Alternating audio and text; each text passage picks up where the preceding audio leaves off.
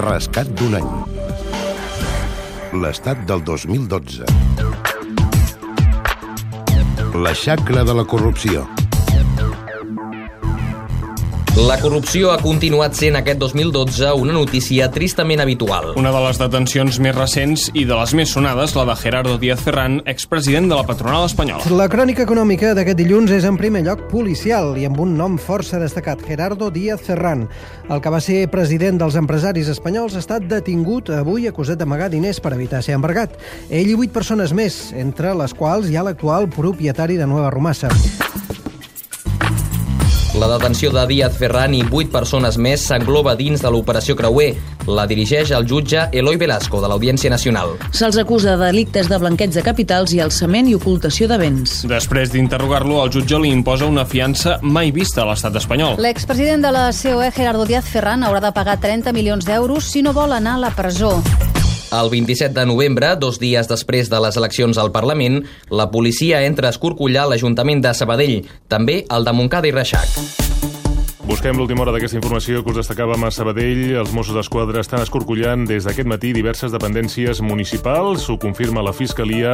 Sobre el terreny a Sabadell, Albert Segura. Albert, bon dia. Hola, bon dia, David. Uh, aquesta actuació s'està duent a terme a Sabadell amb entrades, registres i també detencions. Doncs com us dèiem, l'alcalde de Sabadell, el socialista Manuel Bustos, confirma al matí de Catalunya Ràdio que està imputat per un delicte de tràfic d'influències en l'operació dirigida per la Fiscalia Anticorrupció que s'està duent a terme al seu ajuntament. Perquè no tenim res que amagar ni res pel que demanar perdó. Res. Les nostres famílies, els nostres companys i a tots els ciutadans de Sabadell que estiguin ben tranquils que el seu alcalde i el seu equip ha actuat sempre amb honestitat, amb rigor i amb transparència. Cinc dies més tard, Bustos declara als jutjats de Sabadell. Catalunya Ràdio també hi era i ho explicava en directe. Catalunya Ràdio. Les notícies de les 3. Bona nit, us parla Albert Manyà. L'alcalde de Sabadell, Manel Bustos, ja ha acabat la seva declaració davant del jutge després de més de 6 hores. Catalunya Ràdio, Unitat Mòbil a Sabadell, Oriol Mondejar, bona nit. Bona nit.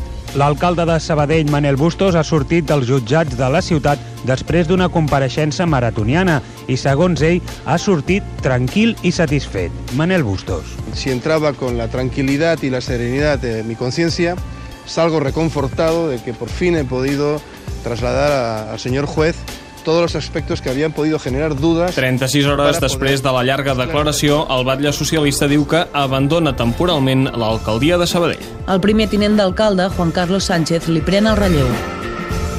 A principis d'any hi havia sentència favorable a l'expresident valencià Francisco Camps. El jutge no pot acabar la frase per la cridòria dels amics i simpatitzants de Camps. Encontramos al acusado don Francisco Camps Ortiz no culpable del hecho delictivo un jurat popular el declara no culpable per l'anomenat cas dels vestits, una peça separada del cas Gürtel. Altres casos, com ara el Pretòria, el Palau i el de les ITV, continuen en fase d'instrucció. Comparezco hoy para demostrar mi inocencia, mi honor mi activitat professional. Urdangarín també ha comparegut davant la justícia. Està imputat per les presumptes activitats delictives de la Fundació NOS. El judici s'ha de fer aquest 2013. També a Palma enguany ha dimitit el president del Parlament Balear.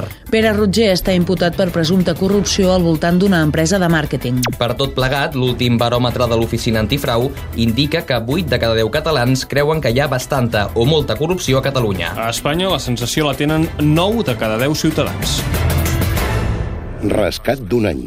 L'estat del 2012. Edició Joan Bota i Marc Urado. Producció Anna Escura i Mercè Ribas. Muntatge musical Joaquim Garcia.